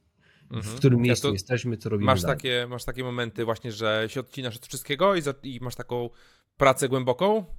Tak, staram się, żeby przynajmniej, e, jak mi się nie uda w ciągu jednego dnia z, wygospodarować powiedzmy, nie wiem, pół godziny do godziny, to staram się, żeby na tygodniu, żebym miał takie momenty, że zamykam się w, u siebie w pokoju, mam listę tematów na kartce spisaną, wyłączam totalnie komputer i monitor, bo nie lubię powiadomień, e, nic do mnie nie wpada i to jest taka moja praca kreatywna, żebym się zastanowił, w którym miejscu jesteśmy, co robimy dobrze, co robimy źle, jak wyglądają te wyniki, co byśmy chcieli zrobić dalej i je, gdzie ja widzę siebie za miesiąc, za pół roku, za rok i gdzie widzę nasz system, bo tak jak mówię, no wszystko się zmienia, tak? Więc my musimy nadążać za tymi zmianami. E, A wy pracujecie zdalnie w 100%, czy, czy jak to wygląda? Pracujemy w 80% y, stacjonarnie, a A, okej. w 20% zdalnie. Jeden dzień mamy zdalny, to jest dziś. Dzięki temu sobie siedzę tutaj, mogę sobie z Tobą porozmawiać. Nikt nie chodzi, nikt nie pyta, nikt nie puka. E, Gdzie macie biuro? W jakim mieście? Biuro mamy w Kielcach. E, Ja jestem trochę starej daty człowiekiem i uważam, że praca e, stacjonarna jest dużo wydajniejsza, jeśli chodzi o taką kreatywność. Mhm. E, No bo wiesz, zawsze to fajniej przy tablicy stanąć, przy flipcharcie narysować, coś Tak. przedyskutować. Mm, Natomiast i zdaję sobie sprawę z tego, że pewne działy, jak choćby dział marketingu czy dział sprzedażowy, o, dla nich liczą się efekty. Tak? Jeśli KPI są zrobione, to mnie tam wszystko jedno, czy ktoś z Nowego Jorku, czy z Hongkongu pracuje. To jest absolutnie bez znaczenia, więc są tacy ludzie, którzy, no handlowcy pracują y, prawie w 100% zdalnie, bo no bo nie ma sensu, żeby byli w e, firmie. No No tak. chyba, chyba, że robimy jakieś takie duże zebranie, no to wa wa ważne jest, żeby wszyscy byli w pracy. Natomiast tak czy inaczej, codziennie mamy daily, z działem sprzedaży łączymy się zdalnie, omawiamy sobie dzień e, bieżący i tak to wygląda. I jakie były najtrudniejsze momenty w projekcie? Miałeś takie momenty, że chciałeś po prostu wszystko to rzucić? w cholerę? Cóż, powiem ci tak, no tych momentów było tyle samo, ile tych drugich, że jednak nie. Rollercoaster startupowy. Dokładnie, bo dobrze wiesz, że prowadzenie biznesu to jest właśnie taka sinusoida. Są momenty, kiedy masz już tego wszystkiego dość i sobie myślisz, kurde, mój kolega sprowadza skarpetki z, z Chin i na tych skarpetkach robi taki biznes, a mój drugi kolega to sznurówki sprowadza i to mówię ci z, z mojego doświadczenia. Mhm, sprowadza mhm. sznurówki, sznurówki go kosztują 20 groszy, on sprzedaje po 3 zł i to są takie różne sznurówki na przykład. One generalnie są nie do pary, to jest para, ale nie do pary. Te są jakieś puchate, te są w paski i tak dalej. Nie ma żadnych reklamacji, no bo gdzie złożysz reklamację za sznurówki za 3 zł? Sprzedaje tego na tysiące i naprawdę niezły interes robi na tym. Jak się spotkam z takimi osobami i sobie tak pomyślałem, kurczę, a tyle roboty w to wkładam i tak na dobrą sprawę sam dobrze wiesz, jak to jest. Jak prowadzisz biznes, to nawet jak wyjdziesz z firmy, to jesteś w tym biznesie cały czas. Jadąc do domu, tak. myślisz o tym biznesie. W domu, jak masz chwilę, myślisz o tym biznesie. I, I cały czas w tym biznesie jesteś. No ale w końcu przychodzi taki moment, kurde, ale no przecież tyle czasu to budowałem. Na pewno to jakiś tam sukces osiągnie. No i tak sobie myślisz, no te najgorsze rzeczy, no, no to już przezwyciężyliśmy, to już zrobiliśmy, tego problemu się pozbyliśmy, będzie dobrze, będzie dobrze. No i, no i wracasz na, tą, na te dawne tory i, i dalej pchasz ten wózek z wszystkim, aż znowu w końcu cię ręce zabolą i mówisz, kurczę, no ileż można, ale ręce odpoczną i pchasz mhm. dalej. Pchasz dalej. E, a jakie jest twoje e, podejście bootstrapping versus inwe inwestor, tak? Bo mówisz, że szukacie, szukacie finansowania, tak, e, tak. natomiast do dzisiaj jesteście jakby bootstrapowani, czy tam powiedzmy taki self-funded, tak. tak? No mieliśmy tak. kasę z, tutaj z innego działu biznesu i pompowaliśmy go, go w SAS. Jakie jest twoje, twoje podejście? Czy to jest teraz właśnie moment na, na zebranie rundy i tak. zwiększenie tego MRR-u razy 10? Tak, wydaje mi się, że to jest właśnie ten moment i jakie jest moje podejście. No wiesz, to zależy od, yy, od wielu czynników, bo dobrze, wszyscy dobrze wiedzą, jakie są zalety bootstrappingu. No, przede wszystkim zachowujesz pełną kontrolę nad firmą, tak? No to nikt ci, jej, nikt, nikt ci nie, nie wkłada swoich trzech groszy do firmy no nie musisz się dzielić zyskami, no to też wiadomo. Y, decyzje, które podejmujesz, możesz podjąć od razu, szybciej, tak? Teraz ci zależy. Niekoniecznie będą to dobre decyzje. Niemniej jednak to zawsze będą twoje decyzje, no tak. które podejmiesz i sam będziesz odpowiedzialny za te decyzje nie musisz się konsultować z inwestorem. No, no, wada jest taka, że ten rozwój firmy jest jednak powolny. No, ten MRR 150 tysięcy na tą chwilę, no to powiedzmy, że za dwa miesiące będzie 160. No rośniemy powoli, ale dobrze wiesz jak jest. Im dalej w las, tym więcej drzew. No masz więcej klientów, no to musisz ich obsłużyć, no to musisz zatrudnić dodatkową osobę i się nagle okazuje, że ten zysk, który niby miałeś, potencjalny, zjadła kolejny, zjadł kolejny koszt, który musiałeś ponieść. Więc rozwój firmy y, bez, y, bez inwestora jest wolniejszy. No, nie masz tych środków wystarczających do, do, do tego, żeby ten rozwój był szybszy. I jesteś bardziej też narażony na ryzyko finansowe, no bo masz ograniczone możliwości. No i co jeszcze? No ważne też jest to, że masz mniejsze doświadczenie. No inwestorzy z reguły oprócz tego, że wkładają kasę, to wkładają swoje doświadczenie niejednokrotnie niemałe i na podstawie tego doświadczenia można szybciej ten e, biznes zbudować. No to są wady y, i zalety bootstrappingu. Znowu teraz, jeśli chodzi o pozyskanie inwestora, no inwestor może ci zapewnić szybciej kapitał i to jest kapitał dostępny od zaraz, on jest dostępny dla ciebie i możesz szybciej się rozwinąć. E, dają ci też dostęp do swojej tej wiedzy i doświadczenia. Mm, mogą ci pomóc też w budowaniu kontaktów, do, e, do innych firm. No ale z drugiej strony musisz się z nimi dzielić zyskami. Mają wpływ na te twoje decyzje, musisz się z nimi konsultować w tej, w tej kwestii. No i teraz, która opcja jest lepsza? No nie ma odpowiedzi na to pytanie. Jeśli cię satysfakcjonuje, e, nie wiem, MRR na takim poziomie i dochód na takim poziomie, że stać ci na wakacje, w porządku.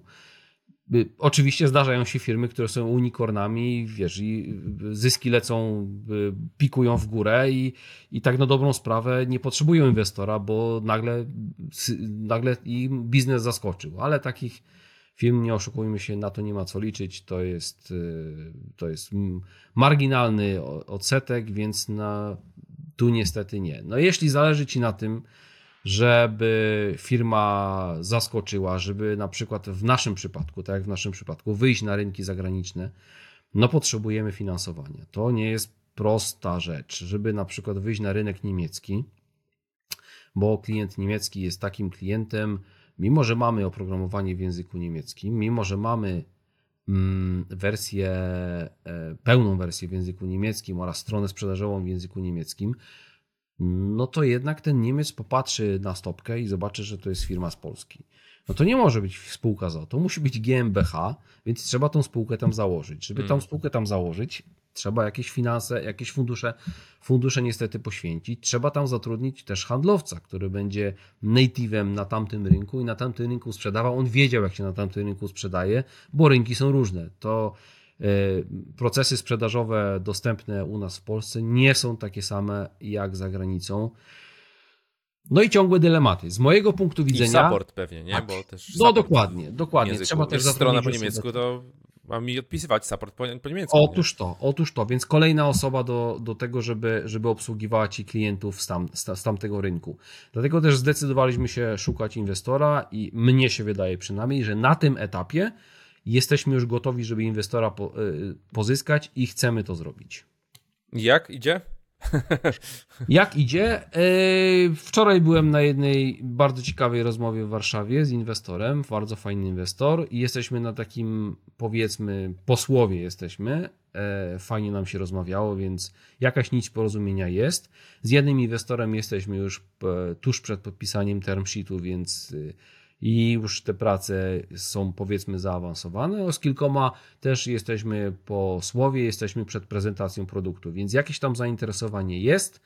Na tą chwilę e, jesteśmy w trakcie. No niestety ten proces jest długi. To się tak tylko wydaje, ale najpierw inwestora trzeba zainteresować produktem inaczej. Trzeba w ogóle go zainteresować produktem jako takim, bez kontaktu. On musi zobaczyć produkt, mówi o fajny, no to skontaktujemy się. Później trzeba z nim porozmawiać. Jedna rozmowa, druga, trzecia, czwarta. Przekonać go, że ty wiesz, że chcesz e, e, sukcesu, że jesteś nastawiony na sukces. Oni muszą wiedzieć, że ty jesteś nastawiony na sukces. No i później dochodzi taki moment, że trzeba odkryć karty. No to trzeba podpisać term sheety, na, na podstawie tych term sheetów później trzeba zrobić, dostarczyć dane finansowe, jakiś biznesplan trzeba mieć, trzeba mieć roadmapę, e, no i trzeba być ogólnie ogarniętym w kwestii całego projektu i to też trwa no, tygodnie, jak nie miesiące. Więc ten proces jest bardzo długi. Niemniej jednak zachęcam każdego, żeby przynajmniej spróbował.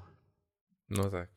E, powiedz mi, co byś dzisiaj zrobił inaczej, jakbyś startował z nowym, z nowym produktem, takim, takim sasowym? Co byś na bazie tego całego swojego doświadczenia zrobił, zrobił inaczej? E, co bym zrobił inaczej? Na pewno po pierwsze bym wypuścił wersję MVP dla klientów e, i darmową wersję i zebrał od nich feedback. Tego na pewno nie zrobiłem i to był mój podstawowy błąd, że zbudowałem, próbowałem budować produkt, właściwie zbudowałem produkt gotowy, który nie był nikomu potrzebny. To po pierwsze. Po drugie, e, bardziej skupiłbym się na szukaniu potrzeb, niekoniecznie moich, bo ja zbudowałem produkt na podstawie mojej potrzeby, ale nie, a nie na podstawie potrzeby rynkowej. No ale z drugiej strony niby na swoją potrzebę, a potem niby na potrzeby branży budowlanej, która też nie do końca. To prawda. Nie to do końca prawda. to wyszło. Ja to budowałem prawda. dla branży ubezpieczeniowej, też nie miałem bladego pojęcia i. Co Jak tam... wyszło? Znaczy wyszło, wyszło generalnie dobrze, wyszło generalnie dobrze, natomiast y, ja się zegzitowałem z tej spółki w 2020, dlatego że y, po prostu no, nie lubiłem tego rynku i nie rozumiałem mm -hmm. tego rynku. No tam wiesz, rozkręciliśmy do tych tam 40 tysięcy MRR-u, plus sprzedawaliśmy licencje takie wdrożenia za, za pół miliona, y, white labelowe, natomiast... Y, nie czułeś branży? Nie czułem branży, odszedłem i buduję, wiesz, buduję inny produkt, natomiast to, to, co ty mówisz, nie? Z branży budowlanej. Ja tam skrótów niektórych nie rozumiałem, które budowaliśmy. Oczywiście mieliśmy advisorów i tak dalej. E, I użytkownicy nam pomagali, ale to trzeba się z tym liczyć, nie? Że budujesz dla innej branży, to musisz naprawdę się nauczyć i jakoś mieć serce do tej branży. Tak. To tak, taki tak. Na, na marginesie Tak. Ale to, to ważna uwaga. E, Kolejna rzecz, którą ja uważam, że, e, że powinienem zrobić, to nie budować biznesu w pojedynkę. Bo warto jest mieć takiego sparring partnera, z którym można zderzyć to, o czym się myśli, bo nawet powiem ci tak, nawet wypowiedzenie tego, co myślisz i usłyszenie tego, co mówisz, zupełnie i, i wiesz, przenosi cię na zupełnie inny poziom e, abstrakcji, bo masz coś w głowie, myślisz, fajny pomysł, ale wystarczy go powiedzieć. Brzydko, nieładnie to wygląda, jak mówisz sam do siebie, więc fajnie do kogoś mówić, tak? A poza tym ta druga osoba, po pierwsze, będzie dla ciebie wsparciem. Jeśli będziesz miał ten dołek, to on mówi, chłopie, ciągniemy tyle lat, jest dobrze, patrz, tu mamy klientów, zawsze pomoże. Po drugie, będzie mogła storpedować twoje pomysły. Wyskakujesz nagle, wiesz, rano, kurde, przyśnił ci się pomysł. Mega, wdrażamy. Poczekaj, na chłodno, spokojnie. Jak jest dwie osoby, to są dwie opinie i zawsze można z tego coś wyciągnąć, dlatego ja sugeruję zawsze, żeby prowadzić biznes z kimś. A po czwarte, wcześniej wpadłbym na pomysł nagradzania pracowników. Najlepszych pracowników trzeba opracować te ESOPy, takie plany pracownicze i nagradzać pracowników, tudzież partnerów udziałami, żeby oni mieli świadomość, że budujemy coś większego i budujemy wszyscy dla siebie, a nie, że ja buduję dla ciebie, a tak to teraz już mi się nie chce i będę budował teraz dla kogoś innego. To jest też rzecz, na którą należy zwrócić uwagę na początkowym etapie budowania biznesu. Dzięki. E, ja jeszcze do tych co-founderów dodam, dodam tyle, jakby tą drugą stronę medalu, że czasami może być tak, jakby w 100% się zgadzam z tym, co powiedziałeś, też buduję biznes z co-founderami, natomiast zdarza się tak, że przez to, że jest ten co-founder i on na przykład po kilku latach ci się wykruszy, a posiada no, dużą część udziałów i on nagle mówi, że on odchodzi, ale udziałów to nie, nie odda, e, no może to gdzieś tam tą firmę pokrążyć, bo część osób sobie nie zdaje sprawy, że to jest po prostu droga na, no, na lata, nie? Żeby to rozkręcić, to jest 3 Tak. lata minimum, nie? A tak. do prawdziwego poziomu takiego milionowego, no to, to czasami 7 i 10 lat, nie? Może Zgadza być. się. Zgadza się. E, Okej, e, powiedz mi, jakie jeszcze rady dla takich początkujących founderów, którzy nas teraz słuchają, e, którzy siedzą, myślą nad swoim produktem, e, masz jakieś dla nich takie, wiesz, rady od doświadczonego kolegi, Nie oczywiście wiem. poza tym, co, co, co mówiłeś od, odnośnie tego, co byś inaczej zrobił, nie? W budowie Tak. produktu. To, to, to, co bym inaczej zrobił, to każdy sobie wyciągnie dla siebie wnioski w zależności od tego, na jakim etapie jest biznes, bo te biznesy, które macie, są na różnych etapach i one wymagają różnego nakładu pracy i różnych działań.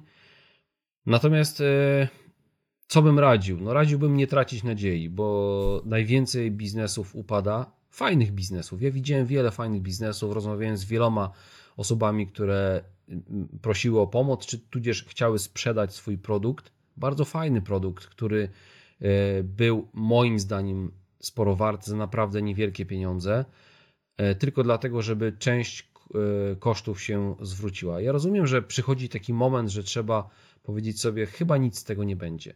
Ale jeśli jest taki moment, to nie decydować w pojedynkę, że kończymy ten biznes, że go, że go usuwamy i do kosza wrzucamy, tylko zawsze można znaleźć y, w internecie takie osoby, z którymi będzie można porozmawiać na, e, na temat tego biznesu i nie zamykać go, nie usuwać, nie kasować, bo być może akurat w tej chwili jesteście w takim momencie, e, że uważacie, że już nie będę w to inwestował, bo już nie mam czasu, e, bo już nie mam pieniędzy, nie mam funduszy, a mówię Wam, że najmniejszym problemem są pieniądze.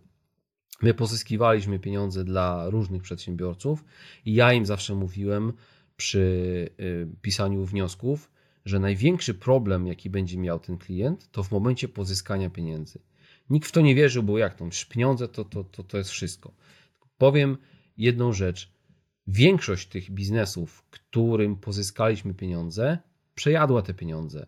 I y, po okresie trwałości takiego projektu 2-3 lata, oni nagle są w tym samym miejscu, w którym byli 3 lata wcześniej, czyli w momencie wzięcia tych środków. Więc jak się okazuje, pieniądze nie są największym problemem. Jeśli macie to coś w głowie i macie zajawkę na robienie czegoś wielkiego, to znaczy, że da się to zrobić. Tylko trzeba znaleźć odpowiednie osoby, które będą Wam w stanie pomóc. Trzeba wziąć y, telefon, zadzwonić do Bogusza, pogadać, a nuż Bogusz pomoże, a nuż Bogusz dwa, trzy słowa powie na swoim live, jest taki produkt, jest taki projekt, słuchajcie, może ktoś by chciał pomóc. A tak swoją drogą przydałby się taki SaaS, gdzie można by było wrzucać takie projekty do ratowania. Może ktoś by był zainteresowany. Jakiś, słuchaj, taki MVP jest jeden, drugi, trzeci, wygląda fajnie, mógłby na przykład do naszego biznesu się wpasować, albo do naszych klientów się wpasować. Tak podrzucam, może byśmy założyli taki, taki sasik mały. Czemu nie?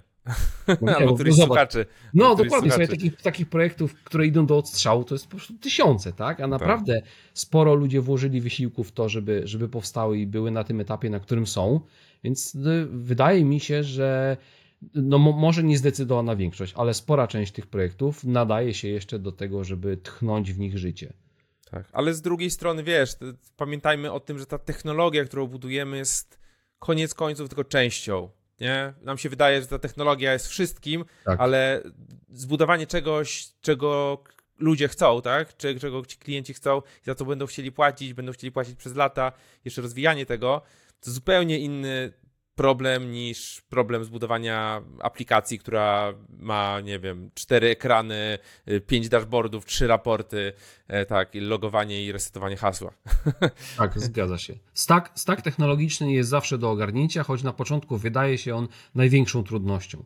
Ale tak. to nieprawda, bo jednak y, to jest tylko kwestia ograniczenia technicznego, które w jakiś tam czy inny sposób da się usunąć. Natomiast tak jak mówisz, to, co się kryje pod spodem, czyli jak to sprzedać, jak zachęcić klientów, jak pozyskać klientów, e, jak w, w cudzysłowie wyciągnąć od nich kasę, to jest dużo, dużo trudniejsza sztuka. Właśnie, Michał, bo e, już tak się zbliżam ku końcowi, natomiast zapomniałem Cię zapytać o jedną rzecz, o której mieliśmy chwilę porozmawiać, czyli kwestię e, tych całych zasobów, tak? Ostatnio jak rozmawialiśmy, mówiłeś, że, że macie problemy ze stroną, że coś tam się działo. Y, I wcześniej też mówiłeś, że żeby, żeby zahaczyć o ten temat yy, związany z przetwarzaniem, nie wiem, ilością tych, tych danych, yy, mhm. jeżeli chodzi o kwestie właśnie kosztów. Yy, zakładam, że wy, z jakiejś chmury korzystacie, tak? Czy macie tak, jakieś... Tak, tak. Korzystamy z chmury, ponieważ mamy w chmurze serwery, które są łatwo skalowalne. Wcześniej mieliśmy to na dedykach na, na początku na własnych dedykach i to się kompletnie nie sprawdzało, bo musieliśmy mieć e, administratora, który kosztował niebotyczne pieniądze. Później przenieśliśmy się do, na, na serwery w, w chmurze e, i te serwery, które się skalują. Dzięki temu, powiem szczerze, mamy dużo niższe koszty. E, kiedyś dawno, dawno temu byłem na takiej konferencji for Developers w Warszawie. Ona się teraz też organizuje rok do roku. I tam dawno temu ktoś powiedział, że serwery są tańsze od programistów, i to jest stuprocentowa prawda. I my teraz wszystkie dane mamy na Amazonie.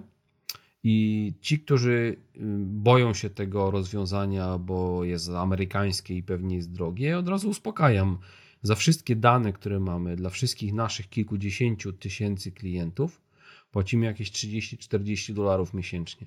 To są naprawdę grosze a mamy te dane tam bezpieczne, zbackupowane. Choć zdarzają się oczywiście włamy na stronę. Mieliśmy w zeszłym, znaczy w zeszłym tygodniu mieliśmy taki włam na stronę. Ktoś nam się próbował wbić na stronę. Trochę z sukcesem, ale w końcu mu się nie udało. Y, metodą prób i błędów doszliśmy do tego, że to za naszej wschodniej granicy. Oczywiście to może być tylko e, zawalowane, bo niekoniecznie stamtąd musieli pochodzić. Niemniej jednak no, wszystko wskazywało na to, że IP tych włamywaczy jest. Że to e, Asana. Tak, tak, że to jest tak, że to jest z Rosji i to pewnie będzie Bitrix, bo Bitrix jest rosyjskim produktem. E, a my bardzo dużo pozyskujemy klientów Bitrixowych właśnie tym jednym argumentem, że jest to A. produkt rosyjski, my sprzedajemy polski produkt. Na to konto Bitrix się reklamuje na nasze frazy kluczowe oraz na stronie Bitrixa jest specjalna podstrona, dlaczego Bitrix jest lepszy od IC Project, co oczywiście nie jest prawdą. No, wiesz, te strony versus, tak, to versus to, albo to alternative, no to jest polecana taktyka. Tak. Więc zakładam, że wy też macie, czemu, czemu jesteście lepsi od Bitrixa. Oczywiście. Stronę, pod stronę. E, Okej. E, Powiedz mi e, już, już tak na koniec, czy masz jakieś materiały, z których ty się uczysz, z których pozyskujesz cały czas tą wiedzę, żeby się rozwijać jako przedsiębiorca, jako człowiek, jako, jako founder? Czy masz jakieś takie rzeczy, które, które mógłbyś polecić do dalszego, dalszej nauki? Z czego ty korzystasz? Książki? Staram podcasty, się wiem, korzystać. wideo? tak, staram się korzystać. Nie mam niestety za dużo czasu na to. E, Jeśli chodzi o takie treści internetowe, no to mm, ostatnio e, korzystam dużo z wiedzy Szymona Nygacza i tego, co on publikuje, bo dużo tego jest. Du- bardzo często to robi, wydaje mi się, że trochę za często już przestaje to ogarniać. E, No, oczywiście e, Michał Sadowski, ten drugi, pozdrawiamy Michała, e, również bardzo często publikuje fajne rzeczy i warto skorzystać z jego wiedzy, bo on totalnie za darmożkę się dzieli doświadczeniami i to jest nieocenione. E, Słucham podcastu My First Million, e, bardzo fajne rzeczy są tam poruszane. E, Simona Sinka też słucham tak e, doradza i tak stara się em, przedstawić, e, jak tu nie zginąć w tym całym e, biznesie internetowym. Jeśli chodzi o książki, mam trochę różnych tytułów. e, Książki o, traktujące o startupach, o zarządzaniu.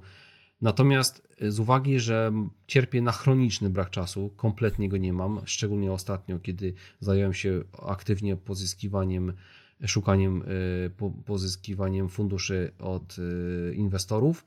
W wolnej chwili czytam beletrystykę, żeby się od tego wszystkiego oderwać i jak dla mnie to Remigiusz Mróz na tą chwilę jest tym, co mogę jasno polecić, bo dwie godziny jak z bicza strzelił, głowa spokojnie odpocznie. Dzięki, dzięki. E, Postaramy się podlinkować to wszystko.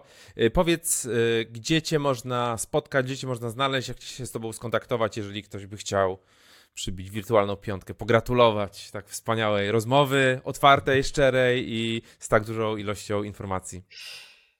Głównie LinkedIn i tam jestem obecny właściwie prawie cały czas. Facebooka nie używam biznesowo, bo uważam, że to strata czasu, za dużo tam jest śmieci, kolokwialnie rzecz ujmując, więc na LinkedInie jestem dostępny. Jeśli nie odpisuję od razu, to efekt tego, że mam wyłączone wszystkie powiadomienia na telefonie. Stwierdziłem, że to nie telefon będzie mną rządził, tylko ja telefonem, więc czytam maile wtedy, kiedy ja chcę i czytam powiadomienia z y, mediów społecznościowych, takich chociażby jak LinkedIn, kiedy ja chcę. Tam mnie można znaleźć, zawsze odpowiem na każde pytanie, można mnie zahaczyć w wiadomości każdego, dodam również do swoich znajomych, poszerzając tą naszą grupę biznesową. No i zapraszamy oczywiście na IC Project e, i żebyście Tak. sprawdzili e, narzędzie, dali feedback. Zakładam, że tu jest bardzo dużo osób, które jakimś projektem zarządzają w jakimś systemie, więc warto sprawdzić nasze tutaj lokalne, polskie, e, polskie fajne narzędzie. Michał, dzięki serdeczne za rozmowę. E, Dzięki Mam nadzieję, że się, że się spotkamy na żywo kiedyś. E, Może zrobimy tutaj jakąś konferencję polską sasową, jeszcze tego nie ma. Może, może z, z, zbierzemy tych wszystkich e, tutaj naszych SAS twórców z całej Polski i zrobimy jakieś wielkie, wielkie święto. A tymczasem dziękuję Ci jeszcze raz za rozmowę i do usłyszenia, do następnego razu. Dzięki bardzo za zaproszenie, dzięki bardzo za poświęcony czas. Mam nadzieję faktycznie, że się spotkamy. Uczestniczyłem w wielu konferencjach i w wielu spotkaniach takich e, na afterparty i uważam, że dużo więcej wynieślibyśmy z takich spotkań, jeśli byśmy się wcześniej znali. Dlatego uważam, że mógłbyś zorganizować takie spotkanie z osobami, z którymi rozmawiasz. Wtedy będzie dużo łatwiej nam otworzyć się i dużo łatwiej porozmawiać na tematy, które nas wszystkich interesują, bo z reguły wiem, że tacy e, wcześniej founderzy i twórcy SaaSów jeżdżą na takie konferencje, ale nie bardzo wiedzą, jak się do tych ludzi, którzy tam są, odezwać, jak zagaić i jak za, zacząć temat, więc y, jestem za i chętnie piszę się na takie spotkanie z Tobą. Super, dzięki i do następnego razu. Dzięki, super, pozdrawiam.